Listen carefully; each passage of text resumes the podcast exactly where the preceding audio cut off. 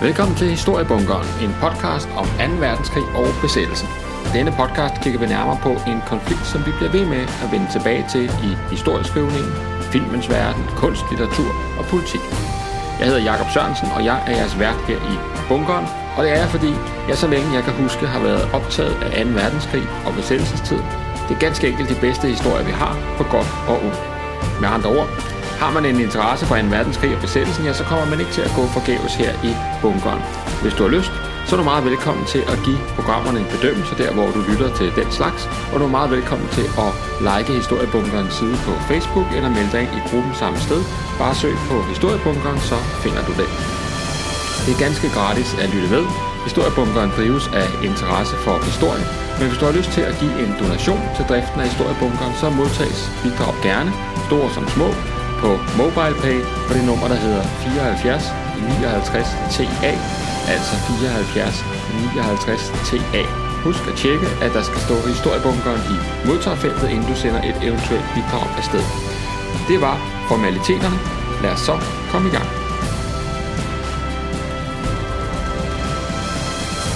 I dette afsnit af Historiebunkeren er vi nået til fjerde del af den her miniserie, som efterhånden ikke er så mini længere, øh, som altså handler om det tyske angreb på Frankrig, Holland, Belgien og Luxembourg i maj, juni 1940.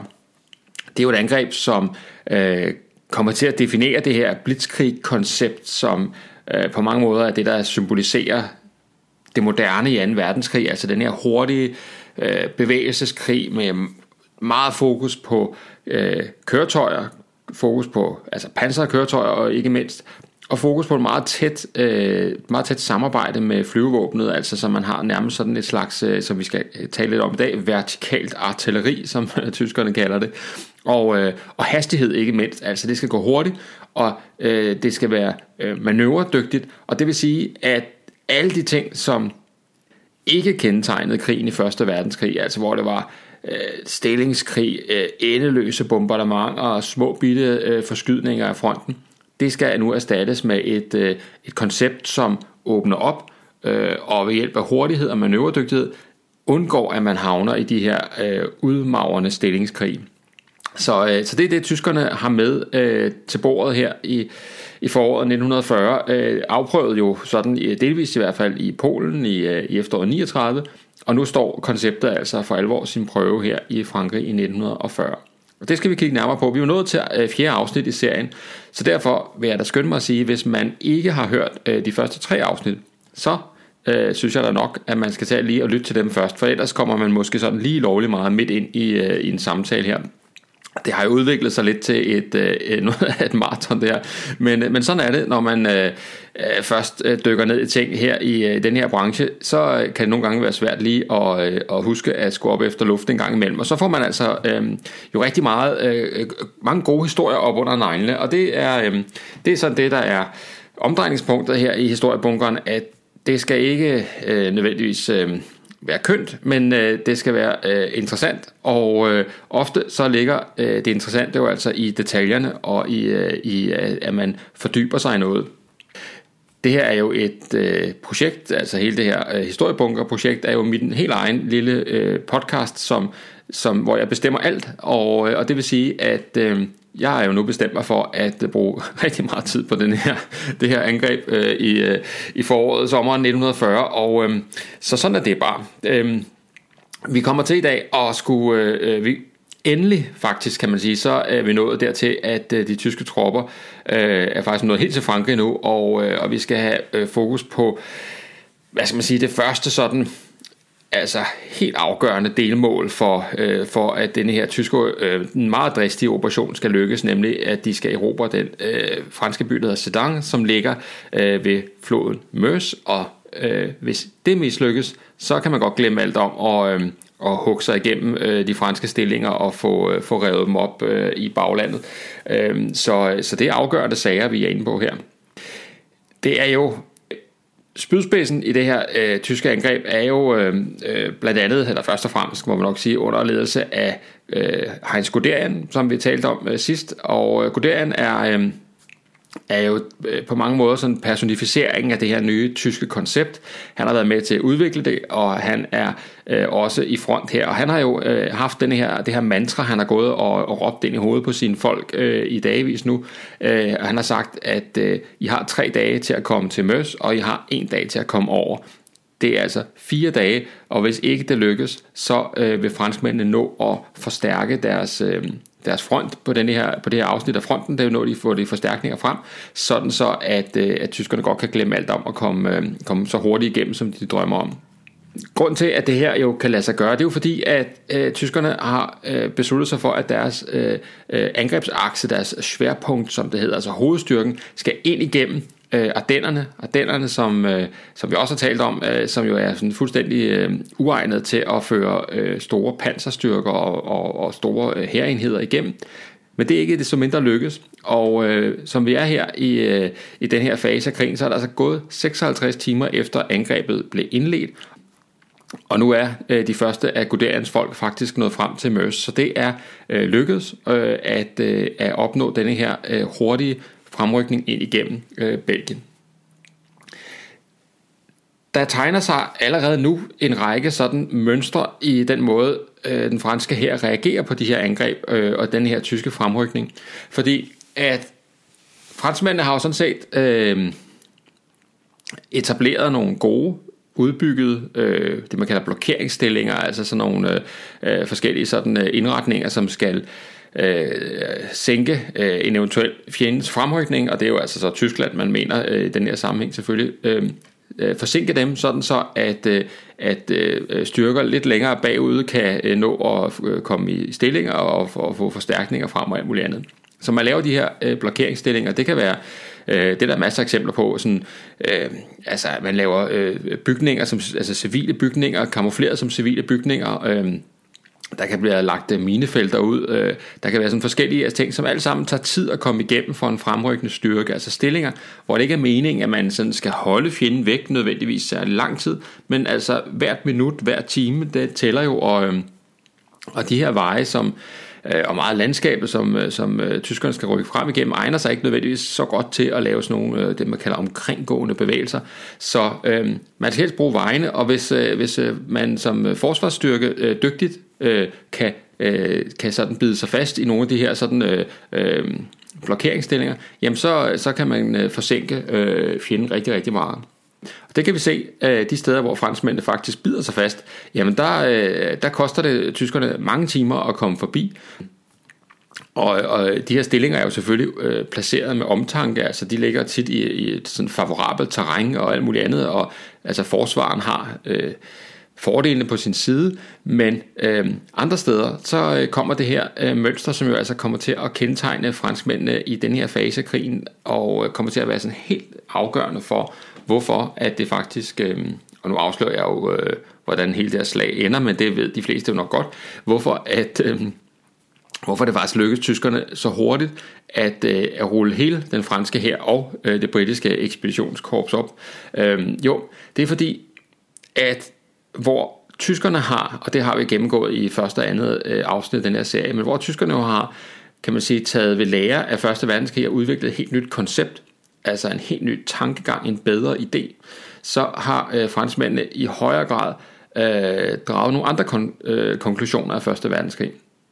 Og noget af det, som var den store frygt i Første Verdenskrig, det var jo, øh, og det er det jo altid, men det var en stor frygt i Første Verdenskrig, det var, hvad nu hvis fjenden bryder gennem egne, altså ens linjer. Det er jo det, der kan, altså så kan man bryde igennem, og så kan man øh, øh, ligesom øh, ved hjælp af, altså så kan man angribe ind i flankerne, og så kan man meget nemmere sådan rulle øh, frontafsnit op. Det vil man utrolig gerne undgå, så derfor så vil man hellere, når der var risiko for et øh, gennembrud af stillingerne, så vil man hellere trække sig tilbage til nogle nye linjer, øh, som man har øh, forberedt i god ro og orden, og så, øh, hvad hedder det, så at sige optage, altså en typisk offensiv vil jo altid miste noget, noget kraft. Altså man kan ligesom ikke bare angribe, angribe, angribe, angribe. På et tidspunkt så mister man altså noget kraft, og man sidder fast i nogle ting, folkene bliver træt, øh, maskineriet bryder sammen osv. Så, så man skal forestille sig, at første verdenskrig, der er mange af de her angreb, som faktisk lykkes med gennembrud. Jamen så kommer der bare en ny forsvarslinje, og så kommer der bare en ny forsvarslinje. Så det er som at slå ind i sådan en pude, øh, og det vil sige før eller senere, så mister man kraften. Og lige så snart modstanderen gør det, uanset hvad for en side vi taler om, jamen så kunne øh, øh man gennemføre en modoffensiv, og så rulle denne her, øh, det her gennembrud tilbage. Men øh, for at det skulle kunne lykkes, jamen så skulle man trække sig øh, tilbage, sådan så man, man, så man ikke risikerede det store gennembrud, kan man sige. Det vil sige, at franskmændene de foretrækker altså tilbagetrækning frem for at risikere et gennembrud af egne linjer. Og det princip, det har de stadig i 1940. Men tingene har jo ændret sig.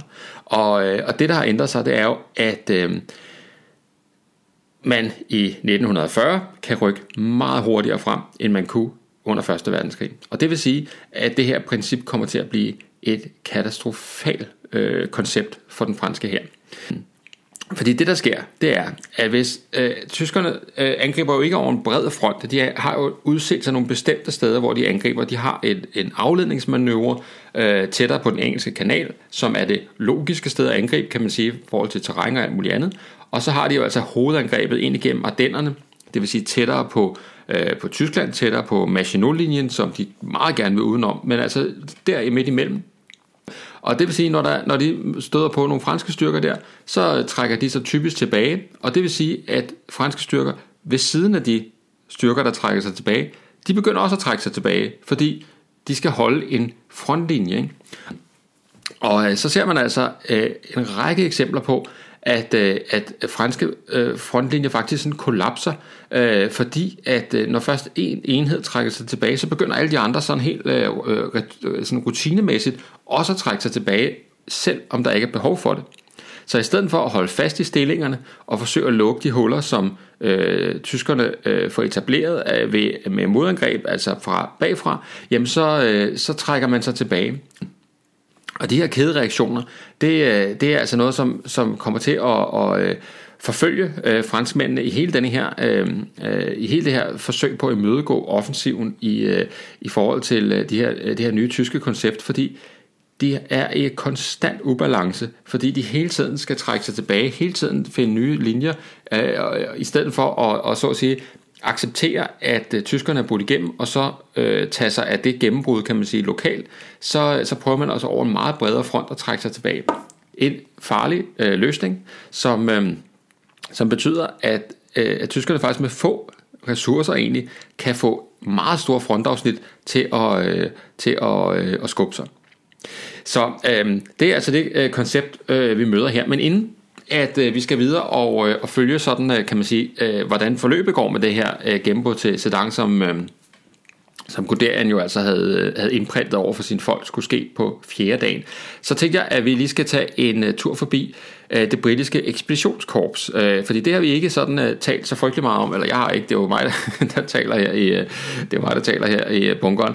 Uh, det har jeg ikke talt så meget om uh, tidligere, fordi at uh, fokus jo er på, uh, på det tyske hovedangreb, og det er jo altså de franske styrker i den her fase af krigen. Britterne kommer med lidt senere, men det er jo altså uh, i forhold til, uh, men det er jo altså uh, de franske styrker, men men øh, jeg vil gerne lige øh, slå et, øh, øh, en lille reklame, øh, et lille reklameindslag, hvis man må sige det sådan, for altså måske en af de Ja, det er måske, måske jo, det er sgu nok en af de allerbedste bøger, jeg nogensinde har læst, øh, om 2. verdenskrig i hvert fald. Og, øh, og det er nemlig øh, en dagbogsudgivelse, og det er øh, ham, der hedder Lord Allenbrook, altså feltmarskal Lord Allenbrooks krigsdagbøger. Han, øh, han var, hvad hedder det, øh, altså udover at være ualmindelig højt øh, dekoreret general i den britiske her, så øh, var han øh, imperiegeneral, altså chef for imperiegeneralstaben, som det hedder under 2. verdenskrig, og det vil sige en af de aller, aller, aller øverste øh, militærledelse, eller i den britiske militærledelse.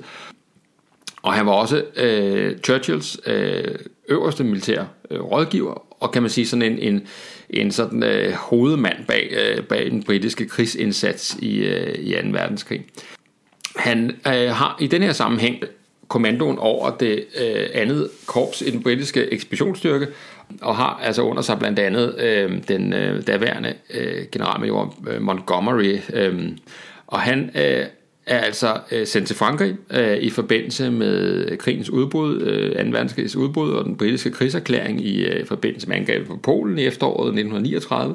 Og så øh, har han ellers siddet og, øh, og, og hvad hedder det, etableret øh, Øh, ekspeditionskorpsets sådan... Øh, øh, dispositioner og placeringer og planer og alt muligt andet. De her planer, som vi har talt om tidligere, øh, nemlig planerne om, at lige så snart tyskerne angriber, så skal øh, de britiske og franske styrker skynde sig at rykke ind i Belgien og indtage nogle, øh, nogle på, for, øh, på forhånd aftalte forsvarsstillinger der sådan så man, om man så må sige, møder øh, tyskerne så langt fremme som muligt, øh, dels for at holde øh, kontrollen over øh, Belgien, Holland, men også, øh, altså, hvis man det nu kan lade sig gøre, men altså også for netop at få de her, øh, den her mulighed for at, at, at lave øh, eventuelle til, øh, tilbagerykninger til endnu bedre stillinger. Så det er sådan en, øh, det er sådan et koncept, der hedder Dial-planen. Og, og der er øh, Lord Allenbrook altså lige midt i, øh, i hvad hedder det, øh, lige midt i begivenhederne her. Og hans øh, dagbog, som jo, øh, han skrev for sig selv, øh, det er sådan en øh, dagbog, som han faktisk øh, i, i starten af den, der skriver han øh, øh, sådan et eller andet med, at øh, må absolut ikke udgives. Øh, ja, øh, under ingen omstændigheder må indholdet af denne bog blive offentliggjort. det er jo fantastisk. Øh, fordi at... Øh, Øh, som kilde, der øh, er vi historikere jo altid øh, glade for dagbøger, fordi at de øh, giver os jo et, øh, et herligt indblik i, hvordan folk tænker i situationen. Altså, øh, de fleste erindringsbøger er jo selvfølgelig øh, helt uundgåeligt skrevet i lyset af, hvad der siden skete. Men øh, dagbøger, de er jo nådesløse på den måde, hvis man ellers fører dagbog sådan... Øh, øh, med en vis sådan selvkritik og alt muligt andet, så, øh, så, øh, så har man jo ikke øh, denne her sådan, øh, fordel af at vide, hvordan tingene går. Og det vil sige, at Lord Allenbrooks dagbog som et eksempel er altså en fantastisk øh, øh, indblik i, hvad tænkte man i situationen om forskellige ting og sager.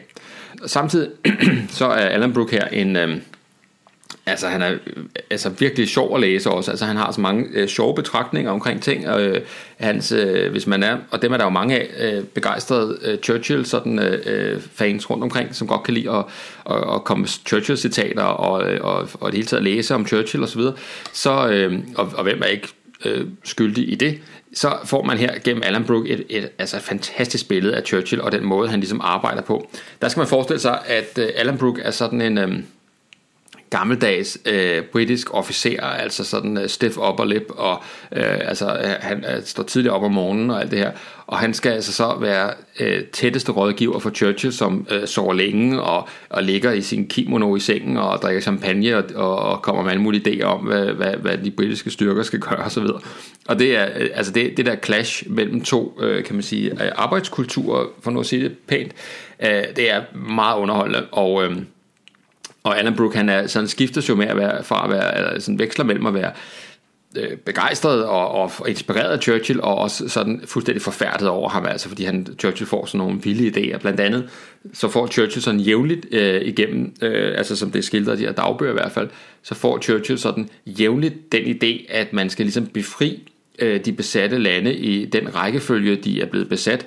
Altså ikke, ikke ligesom skældne så meget til sådan militær, øh, strategisk, øh, taktisk, øh, eller hvad, strategisk øh, logik, men altså ligesom sådan symbolsk gå et sted fra det ene land til det andet. Øh, og det er jo sådan noget, øh, Alan Brooke er helt øh, målløs over, at man overhovedet kan få den tanke. Og så så er der et andet mantra, som Churchill ofte vender tilbage til, det er Norge. Øh, Norge har et, et stort plads, øh, virker det som, i Churchills, øh, i Churchills hjerte, og det, derfor vil han sådan hele tiden have, at der skal øh, øh, iværksættes en eller anden form for sådan befrielsesaktion af Norge, selvom det jo ikke har nogen som helst sådan militær betydning i det store billede. Og så skal Alan Brooks så på arbejde igen med ligesom at få, få talt øh, Churchill øh, væk fra det. Ja, jo, altså, nu bevæger vi os jo lidt væk fra sagerne, men altså, Øh, bogen er jo, øh, er jo, øh, hvad hedder det, udkom på dansk øh, i 2004, tror jeg det var, øh, i, i en glimrende og meget, meget grundig oversættelse, og, øh, og der kan man blandt andet læse om, øh, om øh, nogle af de her store øh, forskellige konferencer og møder, som øh, de allierede holder under krigen, og, øh, og det er utrolig spændende, og Især øh, er der en fantastisk scene fra, øh, hvor øh, Alan Brook er i øh, Moskva sammen med sådan en øh, britisk øh, delegation og skal, skal snakke med, med Stalin og alt muligt. Og så så holder de en fest. Øh, øh, russerne holder sådan en fest for deres øh, britiske allierede, og, og, der, og der bliver øh, serveret noget, der hedder cayenne vodka. Og, øh, det, der må man nok sige, at øh, Cayenne vodka, det er noget, der virkelig presser sådan en, øh, en fin øh, gentleman som øh, Alan Brooke, og, øh, og samtidig så har, har, øh, har Stalin så set sig ondt på en af hans generaler. Jeg kan ikke huske, en af generalerne har sådan en eller anden form for sådan øh, øh, clash med det, og så, øh, øh, og så han skåler han hele tiden med ham i det her øh, Cayenne vodka, og, og Stalin er jo klog nok til at lade være med at drikke hver gang, men øh, generalen er jo ligesom nødsaget til at bunde den her øh, vodka eneste gang, og ender med at falde om og alt muligt andet. Fantastisk. Og øh, ja, og, og derudover, og en anden fantastisk ting ved den her bog, det er jo det her med, at øh, altså, at man, selvom man er en af de ledende personer i krigen, og man har kæmpe ansvar, og der er nogle lange, lange, lange arbejdsdage, masser af stress, alt muligt andet, så er Alan Brook jo en, øh, øh, han er ornitolog, altså han er utrolig fuglebegejstret, og, og det vil sige, at han, øh, han benytter enhver ledig stund til øh, at tage ud og kigge på fugle, øh, når, han er, når de er i... Øh, altså på nogle af de her konferencer rundt omkring i Afrika og Casablanca og sådan steder, så er han også lige at se på nogle, øh, nogle vadefugle i området, som han, øh, som han er interesseret i. Og så skriver han også samtidig på sådan nogle fuglebøger. Altså han, øh, han skriver og udgiver simpelthen, mens han øh, leder 2. verdenskrig. ja, det er fantastisk. Så er der altså også tid til at lige få skrevet de her fuglebøger her. Nå, men Alan Brooke, han er... Øh, han er, øh, er som sagt øh, i Frankrig i den her periode, og, øh, og, og sådan et eksempel på, øh, på, at det her det er sådan en god, øh, ærlig øh, livet af landvejen øh, dagbog. Der er et, øh, for 6. maj, det er jo så altså inden, at, øh, at tyskerne er gået i gang med, med angrebet, det sker jo den, øh, den 10. Men øh, den 6. maj, der skriver han her kort øh, øh indlæg i øh, dagbogen. Tog i formiddags ud og kiggede på en øvelse, jeg har sat i værk for at træne de lette luftværnskanoner i en panserværnsrolle. Det var en stor succes.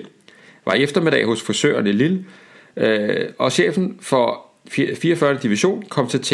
Han er blevet meget fed, siden jeg så ham sidst. det er fantastisk, ikke? Altså den her fede, øh, fede øh, chef her for 44. division, han, må nok, øh, han, må, han tænker nok sit nu, hvor han efter krigen får lejlighed til, noget efter krigen at læse Alan Brooks øh, krigsdagbøger her. Når vi øh, nærmer os øh, 10. maj, altså selve angrebet, der er ikke noget i de her dage her, der indikerer, at, øh, at angrebet er på vej. Øh, Allen Brooks skriver i hvert fald ikke noget om det. Men 10. maj, der skriver han så, at øh, nu øh, starter der det, han kalder et infernalsk bombardement. På en helt fantastisk forårsmorgen, hvor naturen tog sig ud fra sin bedste side, var det svært at tro, at vi nu skulle tage de første skridt mod det, der må blive et af de største slag i historien. Hele dagen har fly kredset i luften over os, og mange af dem må være blevet skudt ned, et af dem ikke langt fra korpsets HQ, altså hovedkvarter headquarters.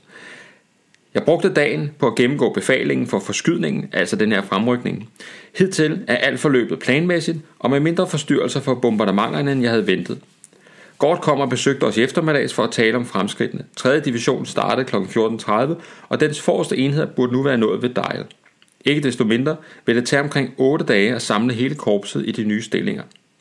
Jeg skifter stilling med HK i morgen, havde tid til at besøge Tom i formiddags, det er i noget familie, og han klarer sig rimeligt. Jeg synes, han var i bedre humør i dag. Dette afslutter syv måneders krig tilbragt i Falemping, og det er der, hvor at Alan Allan har haft sit hovedkvarter øh, øh, indtil, indtil nu her. Så øh, altså, øh, tyskerne kommer, men øh, der er rimelig ro, og, øh, og nu kan man endelig sætte planen i gang og så videre. Så øh, øh i, i dagens øh, øh, hvad hedder det, indlæg i dagbogen her. Og det er jo altså meget interessant at se, hvordan at øh, den øverste britiske ledelse på ekspeditionskorpset lader sig tage det her rimelig roligt. Øh, der er sådan øh, nogenlunde styr på det. Øh, han er så øh, efterhånden lidt mere øh, besværet af øh, 11. 12. maj, at... Øh, at de her britiske øh, styrker, som skal ind i Belgien, de, øh, de har ikke det mest glidende øh, samarbejde med, øh, med, hvad hedder det, øh, med de belgiske styrker, og, øh, og som man skriver 11. maj, så er der, skriver man blandt andet, en dag med uophørlige rygter om belgisk sammenbrud. Og øh, i det hele taget øh, får man i hvert fald øh, via Alan Brooks øh, indlæg her et indblik i, at, øh, at øh, denne her plan, som med at rykke ind i Belgien og, og etablere lynlinjer, den er altså ikke helt gnidningsfri, for der er altså øh, en del sådan øh, samme, øh, hvad hedder det, sammenstød med de belgiske styrker. Nogle af de belgiske styrker har øh, taget stilling der, hvor britterne havde forestillet sig, at de skulle være osv. Så, så øh, der er en del forvirring om, øh, hvordan forsvaret i det hele taget skal, øh, skal etableres. Men altså, øh, øh 12. Maj, der skriver han så, Dagens, tilfredsste, dagens resultater er ikke tilfredsstillende for så vidt angår den belgiske modstand, men panikken er mindre, og vores fly ser ud til at yde bedre støtte øh, 13. maj, dagen efter. Jeg har ikke de store tanker om den belgiske her. Jeg er meget nervøs for min venstre flanke. så det, det er jo altså, øhm, det er jo, kan man sige, et, øhm, en leder for en, en af de store, øh, altså en stormagt her, som, øh, som skal øh, være afhængig af en småstats øh, styrker for, øh, for at, at klare sig. Det, det er jo ikke nogen rar situation at befinde sig i som, øh, som britiske, som britiske øh, officer. Alan Brooks øh, dagbog her, den øh, fortsætter, og ja, vi vil komme til at vende tilbage til den i, øh, i kommende afsnit og se, hvordan han øh, reagerer på, øh, på øh, det her øh, tyske angreb, og øh, især øh, skal vi høre om have Alan Brook ind som en aktør, når, vi, øh, når britterne begynder at gennemføre deres store modangreb mod, øh, mod tyskerne, som, øh, som kommer lidt senere. Men nu skal vi ikke foregribe handlingen mere end højst nødvendigt. Vi flytter nu fokus over på den tyske side, og her er der den 12. maj, hvor det, det jo sådan set er gået rigtig godt med at komme igennem gennem Belgien og alt det her, og Guderians mantra om tre dage til Møs og en dag til at komme over, ser ud til stadigvæk at kunne kunne øh, øh, ske fyldst, jamen så er der faktisk en øh, større debat øh, i ledelsen af angrebet om, hvem der egentlig skal, øh, hvordan man egentlig skal gøre. Og på den side så har man ham, der hedder general Evald von Kleist, øh, som er Guderians øh, overordnet, og så Guderian på den anden side, de er altså uenige om, hvordan at, øh, at styrkerne faktisk skal, øh, hvor de egentlig skal angribe. Og øh, øh Kleist, han vil gerne have, at man angriber vest om Sedan, altså ikke direkte mod byen, men vestover, og, øh, og så vil man slippe for at skulle, der er sådan et, et, et øh, floden slår så nogle øh, ordentlige slag, så man vil slippe for at skulle over floden to gange, for at, øh, at komme frem til Sedan, altså det vil gå hurtigere, Øh, altså at man ikke både skal over, øh, hvad hedder det, det der hedder Ardenner-kanalen og Sedan, og så er der øh, også, øh, hvad hedder det, øh, mulighed for at ramme ind der hvor at den franske øh, 9. armé og den franske 2. armé, de har deres, øh, de skiller, altså øh, frontafsnit er jo ligesom opdelt i øh, altså forskellige enheder og har forskellige ansvar for forskellige frontafsnit, og øh, det er altid et rigtig godt øh, sted at angribe, der hvor at, øh, at, øh, at sådan to enheder mødes, fordi så vil der altid være en eller anden form for øh, øh, forvirring om, hvem der skal tage sig af øh, forsvaret. Øhm, så, så det er sådan en egentlig øh, god, sund øh, logik, at hvis man kan identificere fjendens enheder, og det ellers giver mening, så prøv at angribe der, hvor de, hvor de øh, mødes, og fordi så kan man regne med, at de kommer til at skulle tale dobbelt så meget om hver eneste beslutning, som hvis man angreb øh, midt i deres afsnit.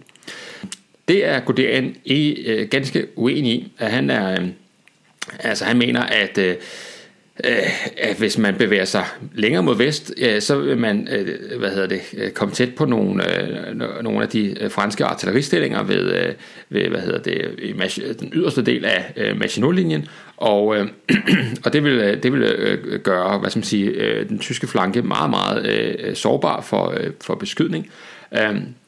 Han mener også, at man vil, hvis man øh, spreder sig her, så vil, man, så vil det sværpunkt, altså det angrebspunkt, det vil blive større og dermed mindre intenst. Og, øh, og, og så vil en del af, kan man sige, øh, præmissen for, at det her skal kunne lykkes, den vil gå, øh, den vil gå, øh, gå tabt. Og Guderian øh, øh henviser også til, at hvis man skal altså omgruppere sig og skifte retning, det vil tage lidt tid, og, øh, og det vil måske tage faktisk, øh, regner at gå derind med helt op til 24 timer, og det vil jo selvfølgelig give franskmændene mulighed for at, at trække øh, forstærkninger op til, til det her frontafsnit. Det er argumenter, som, som Kleist, han øh, faktisk er lydhør overfor, så selvom de har den her debat, så ender det med, at Guderians plan bliver, øh, bliver hvad hedder det, øh, bliver sådan øh, accepteret, men øh, med visse øh, ændringer, nemlig øh, dels at angrebspunktet stadigvæk skal flyttes øh, lidt, ved, øh, lidt længere, et smule længere mod vest, og hvad hedder det, øh, og øh, øh, sådan så man ikke, altså sådan så man mindsker, skal man sige, øh, udfordringen ved at score de her forskellige kanaler og sådan noget. Men øh, det, det er fantastisk, og det har øh, Kleist altså sådan øh, øh, understreget over for koderen. Men altså, øh, her ser vi så det et godt eksempel på, at øh, vores øh, hvad skal man sige, vores opfattelse af sådan øh, tysk sådan kæft, trit og retning og, øh, og sådan øh, øh blind øh, øh, øh, adlydelse og loyalitet over for ens øh, øh, øh overordnede osv.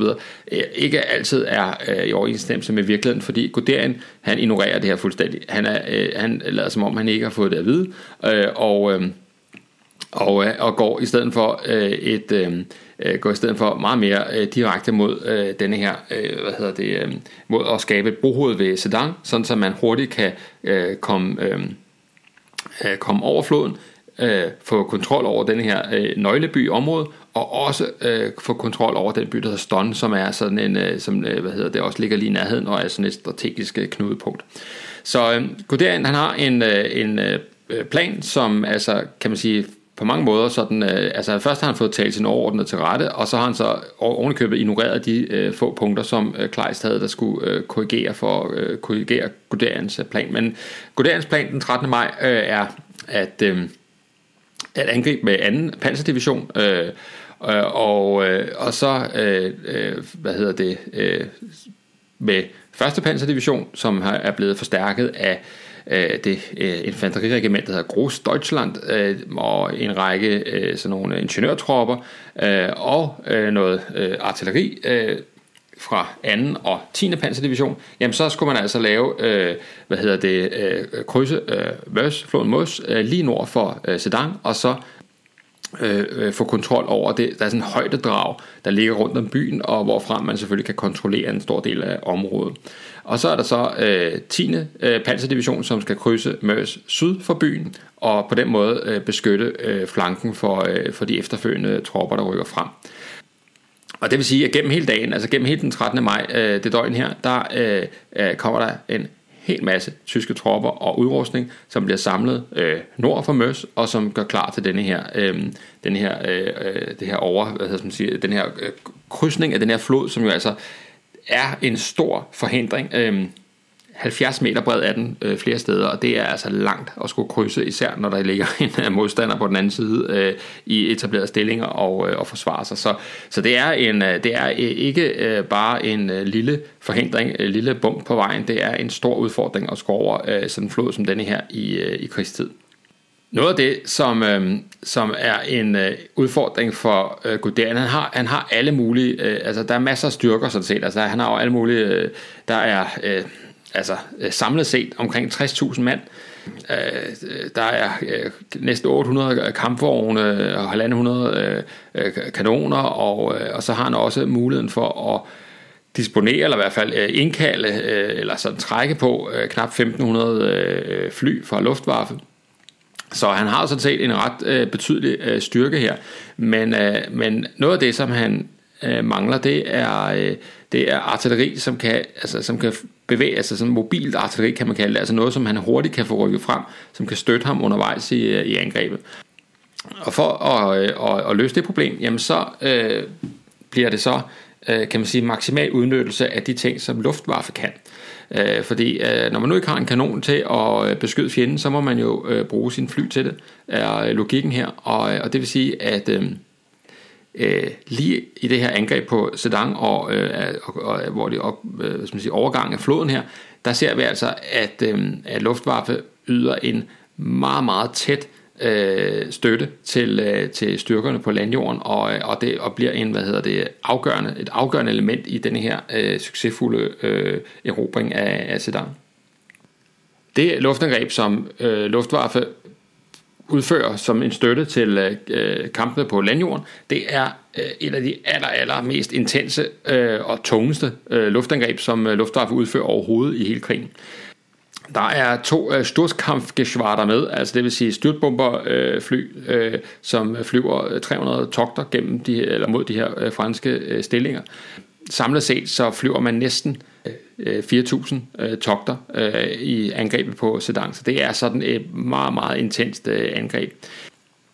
Øh, angrebet var øh, i det første sådan planlagte angreb var i 8 timer, starter kl. 8 om morgenen, øh, og øh, slutter for kl. 16 selvfølgelig. Øh, og øh, der bliver altså øh, fløjet en lang, lang række øh, øh, missioner mod de her øh, stillinger, så de franske stillinger ved Sedan, som er sådan både åbne, men også øh, bunkers øh, og, og jordbunkers og den slags, som øh, man befinder sig i. Og de her, øh, hvad hedder det, øh, angreb, som altså rammer både de franske stillinger i byen, men altså også de stillinger, der ligger på det her højdedrag rundt om byen, de er altså selvfølgelig, har selvfølgelig den øh, øh, intention at, øh, at knække øh, fjendens øh, kampmoral. Øh, Normalt vil man jo bruge artilleri til det her, men altså her er man altså øh, ikke, har man ikke artilleri øh, til rådighed, og bruger så så flyet i artilleriets rolle, det er altså det kalder det vertikale artilleri. Angrebene er sådan set vældig øh, øh, effektiv, fordi at man får rystet øh, modstanderen så meget og får ødelagt øh, kommunikationslinjerne. Øh, altså meget øh, kommunikation foregår selvfølgelig gennem øh, telefoner og telegraf, og de her øh, øh, ledninger bliver jo, øh, er, jo, er jo nemme at ødelægge med, med bomber, men øh, sværere er det sådan set med, øh, med et, de franske stillinger i, i sig selv, fordi de, øh, de bliver faktisk ikke ødelagt af det her, men, men øh, kampgejsten den ryger sig en tur. Og noget af det, som er øh, centralt i det, altså det her med at ødelægge fjendens kampgejst og moral, det er det her, øh, den her øh, særlige, helt særlige tyske fly, øh, man kalder Stuka, altså som, øh, som forkortelse, og det er en forkortelse af, af styrt øh, kampflugtøj, altså en styrt, øh, et fly, som kan styrtdykke. og det vil sige, at, øh, at en Stuka typisk øh, foretager et dyk fra 3 til 5 øh, km øh, højde, når det er omkring 800 meter over målet, så, øh, så øh, udløser det bombelasten, har 500 kilo, øh, 500 kilos bombe med, og også nogle gange nogle lidt mindre bomber på, på vingerne. Den, her, den store bombe hænger under, øh, under flyet, og, og det kan give altså ret stor præcision øh, i angrebet på, øh, på for eksempel fæstningsanlæg, altså stillinger. Og, og så skal man også forestille sig, at der er rimelig meget smæk på. Altså selvom flyet øh, egentlig har en forholdsvis, øh, langs, altså forholdsvis langsom fly, øh, flyver knap øh, 400 km i timen, topfarten, så øh, i sådan en dyk her, så opnår man jo en ret høj hastighed. Og det betyder, at piloten godt kunne... Øh, piloten, at der er jo to besætningsmedlemmer, piloten kunne godt øh, finde på lige at miste øh, besindelsen, eller hvad hedder det, øh, hvad hedder sådan noget, øh, altså besvime simpelthen, øh, og lige miste sådan øh, kontrollen over sig selv i de her øh, kraftige dyk. Og så er der faktisk sådan en anordning indbygget, som retter flyet op, øh, sådan så at man slipper for at øh, styrte direkte ned i jorden, men altså der er sådan nærmest en automatpilot indbygget som sådan en, en tidlig variant her, altså meget, meget øh, imponerende sådan set. Grunden til, at det her fly er så tæt forbundet med altså er det ikoniske øh, tyske fly i 2. verdenskrig, tror jeg. Altså hvis man siger, at britterne har en Spitfire, så er Stukan det fly, som, øh, som på en eller anden måde øh, er er det ikoniske tyske fly, og det er det, fordi det er så tæt forbundet med, øh, med starten af krigen, med de her blitzkrig, øh, altså den her blitzkrig-myte, eller blitzkrig-fortælling, fordi at øh, man både i Polen og Frankrig, men også senere, altså de har brugt flyet gennem hele krigen, men især i de første år, der bliver det her altså øh, billede på øh, den, den moderne tyske krigsførsel. Og noget af det, som har været med til at, øh, at give, øh, give Stukan sit, øh, sit øh, ry og, og, og renommé, det er, at, øh, at man havde øh, man anbragte sådan nogle, øh, øh, hvad skal man sige, øh, øh, sirener på, altså sådan nogle propeldrevne sirener, som sidder på landingsstellet, som øh, så når de dykker, så hyler de øh, og giver sådan en, en altså sådan en, en, en skrækindjagende lyd, og, øh, og det vil sige, det, det er med til at psykologisk nedbryde øh, modstanderne, altså når man hører den der lyd, så ved man nu, at bomberne på vej. Det, altså sirenerne, som, og den bruger man faktisk kun lige, lige i starten af krigen, altså fra, øh, fra altså især i Polen, men, men efterfølgende bliver de faktisk pillet af flyene, fordi de, øh, de bremser hastigheden, og dem, man er mere interesseret i, i den høje hastighed. Ikke desto mindre, så bliver det altså, øh, kan man sige, sådan billedet på øh, den moderne tyske krigsførsel. Der blev lavet ja, knap 6.000 øh, øh, stuk her øh, i 2. verdenskrig, og, eller under 2. verdenskrig, øh, og der er næsten ikke nogen øh, bevaret længere, øh, desværre. Øh, det er et af de fly, som er meget, meget sjældne at se øh, på museer rundt omkring. Der findes faktisk kun to øh, intakte øh, Junkers øh, JU-87, som, øh, som er Stukans sådan øh, officielle øh, betegnelse. Der findes kun to intakte øh, Stukager, og så er der en, øh, en tredje, som er øh, i færd med at blive, øh, blive øh, øh sådan, hvad skal man sige, øh, restaureret. Øh, men så er der også øh, et par steder, man kan øh, se øh, vrag, altså øh, stukager, som ikke er øh, færdigrestaureret, men som, øh, som fremstår som, øh, som vrag. Og, øh, og et af dem øh, befinder sig øh, øh på øh, Berlins Tekniske Museum, eller det der hedder Deutsche Technik Museum i Berlin. Det er et, øh, et fly, som man, altså man fandt øh, i uh, Murmansk af alle steder uh, i 1990, og, uh, og så... Uh, eller faktisk to, to vrag, som man ligesom har sat sammen, så det, så det udgør et helt fly, og de er altså udstillet der i, i, på det tyske tekniske museum. Og det, øh, har jeg været nede og se på et tidspunkt, og, øh, og hvor jeg var med familien i Berlin, og der kan jeg sige, at jeg var simpelthen klar over, at øh, Berlins Tekniske Museum havde en stukke. Jeg havde ikke lige sådan læst så meget op på, hvad der foregik der. Jeg tænkte, det er, bare, det er jo spændende, der er teknik øh, og, og dampmaskiner og alt muligt. Øh, det, det tager vi hen og ser. Og så øh, på et tidspunkt, så kommer vi op på øh, anden tredje sal i det der meget, meget flotte museum i øvrigt, som, øh, som man absolut skal se, hvis man er i, øh, i Berlin. Og så drejer jeg om hjørnet, og så ser jeg, så er den der stukker der, og så, øh, og så øh, har mine børn senere hen fortalt mig, at, øh, at, øh, at far sagde en meget mærkelig lyd.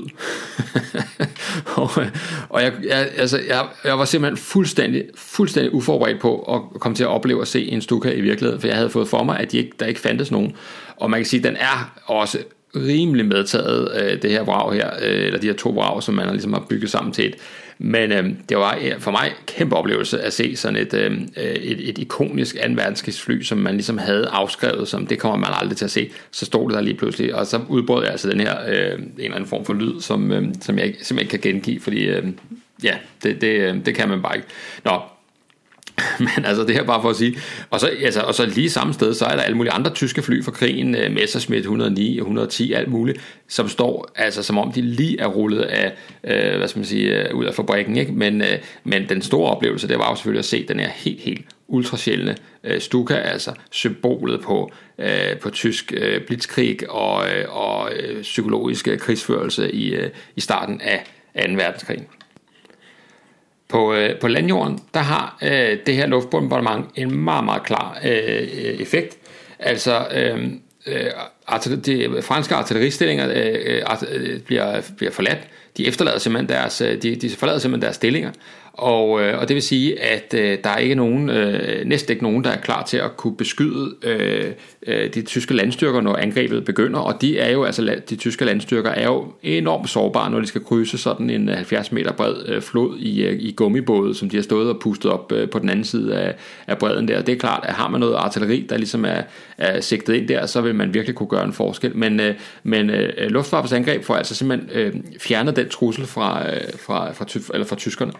Øh, de franske styrker, der er i det her område, øh, har jeg også tidligere talt om, øh, at de bedste franske styrker, de var jo placeret øh, der, hvor franskmændene og, øh, og britterne jo også regnede med, at hovedangrebet ville komme. Så de franske styrker, der er her, det er sådan nogle andenrangsstyrker, og de er faktisk meget sådan nogle ingeniørtropper, altså nogle byggedivisioner nærmest.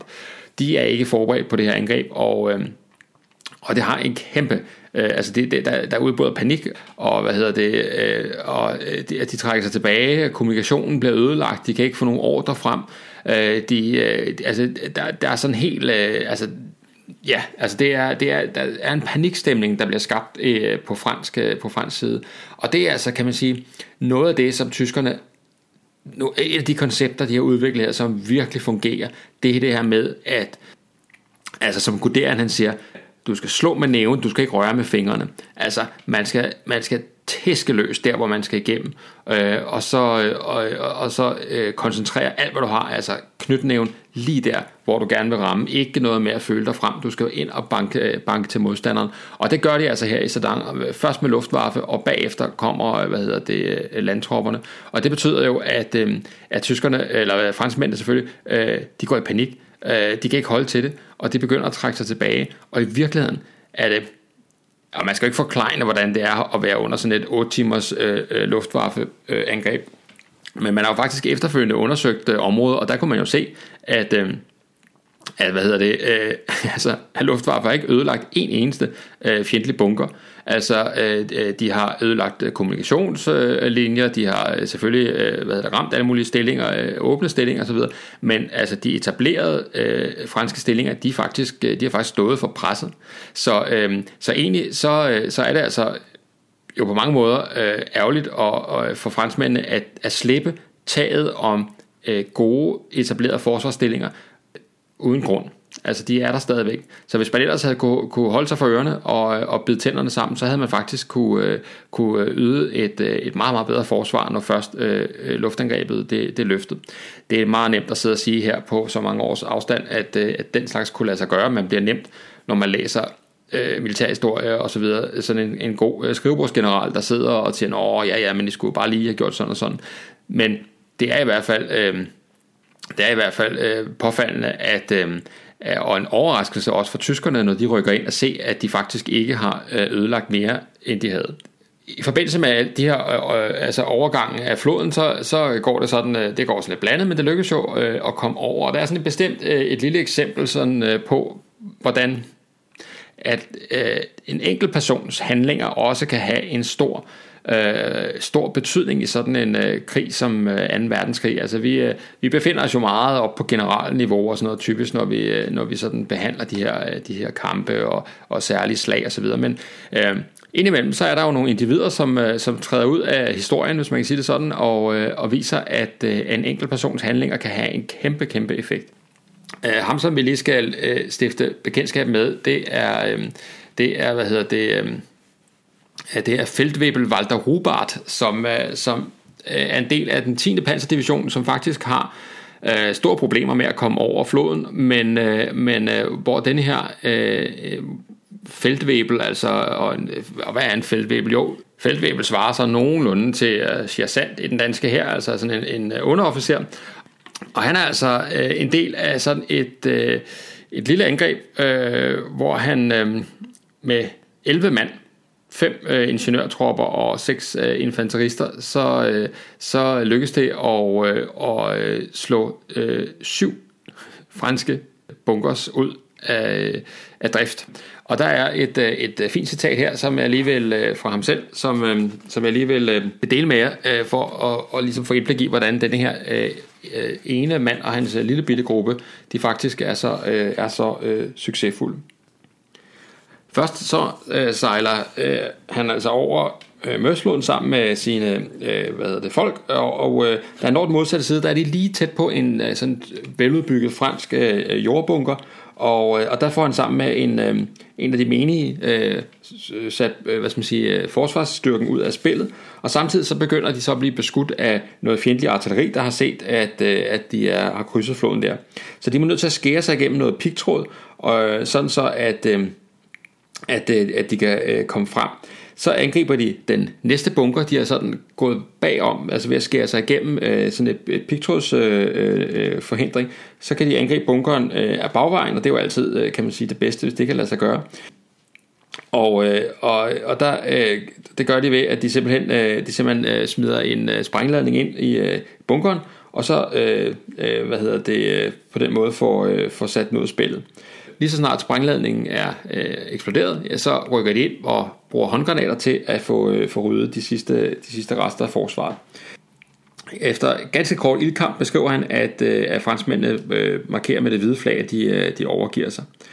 Bliver de faktisk, så kan de simpelthen høre, at, øh, at deres egne styrker på den anden side af floden, de hæpper på dem. så, og de kan ligesom stå der på den modsatte bred og følge, hvordan, øh, hvordan ham her, øh, hvad hedder han, øh, feltvæbel der, han, øh, han rykker frem med sine folk.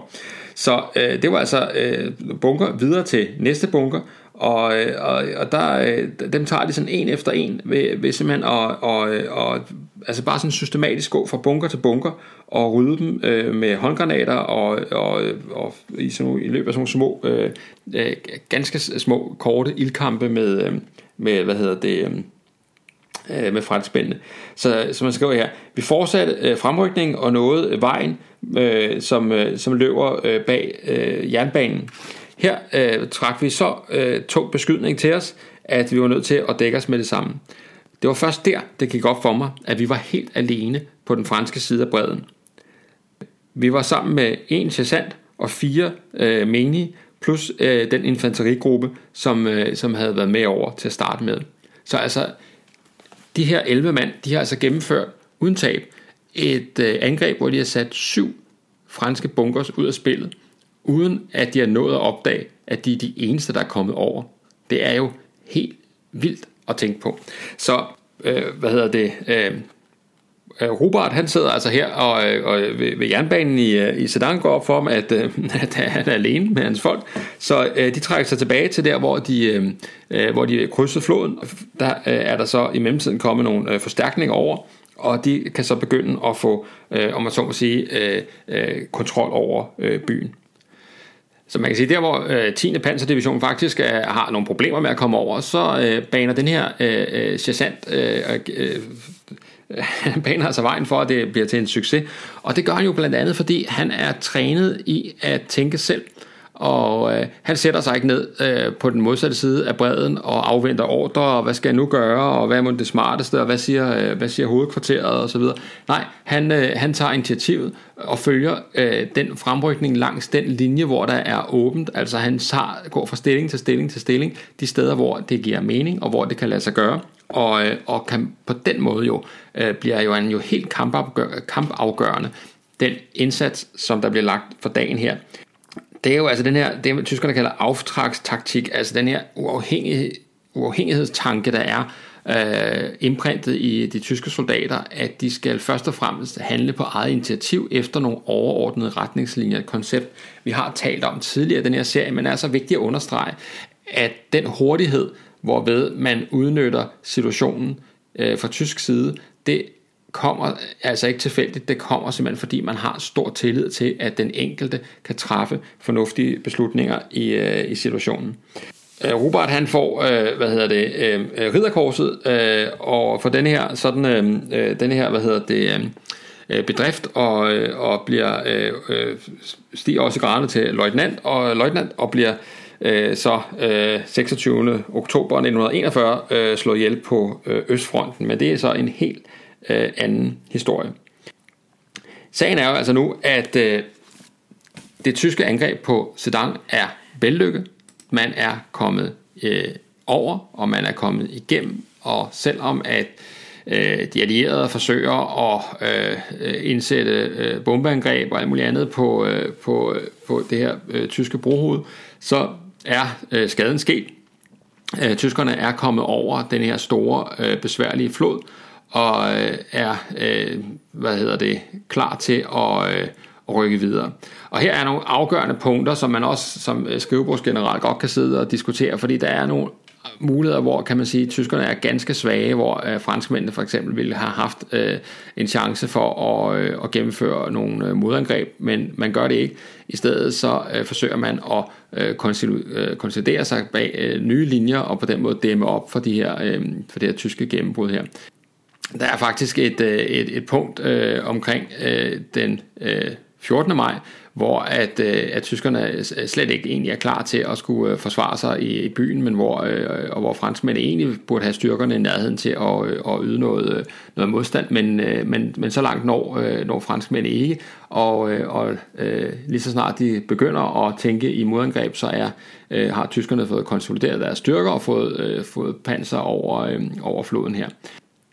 Så denne her, så kan man sige, denne her sådan, øh, øh, sårbarhed, som der den 13. 14. maj er på tysk side, fordi man selvfølgelig ikke har fået særlig mange kampvogne over floden. Det tager sin tid, og brohovedet øh, ved Møs, altså ved, ved Sedan der, det er ikke øh, blevet stort endnu. Man har ikke sådan fuldstændig kontrollen over det.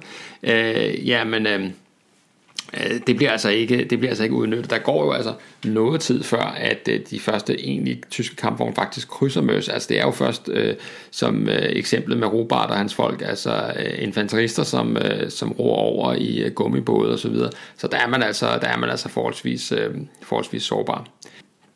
I forhold til, at den videre, øh, det videre øh, forløb af denne her, øh, det her perfekte slag, som den her serie, jeg har øh, er i gang med om Frankrig 1940, ja, det er kaldt altså det perfekte slag, tyskernes øh, overlegne plan og overlegne udførelse, så er vi nu nået til den her fase, hvor man virkelig kan begynde at rykke frem.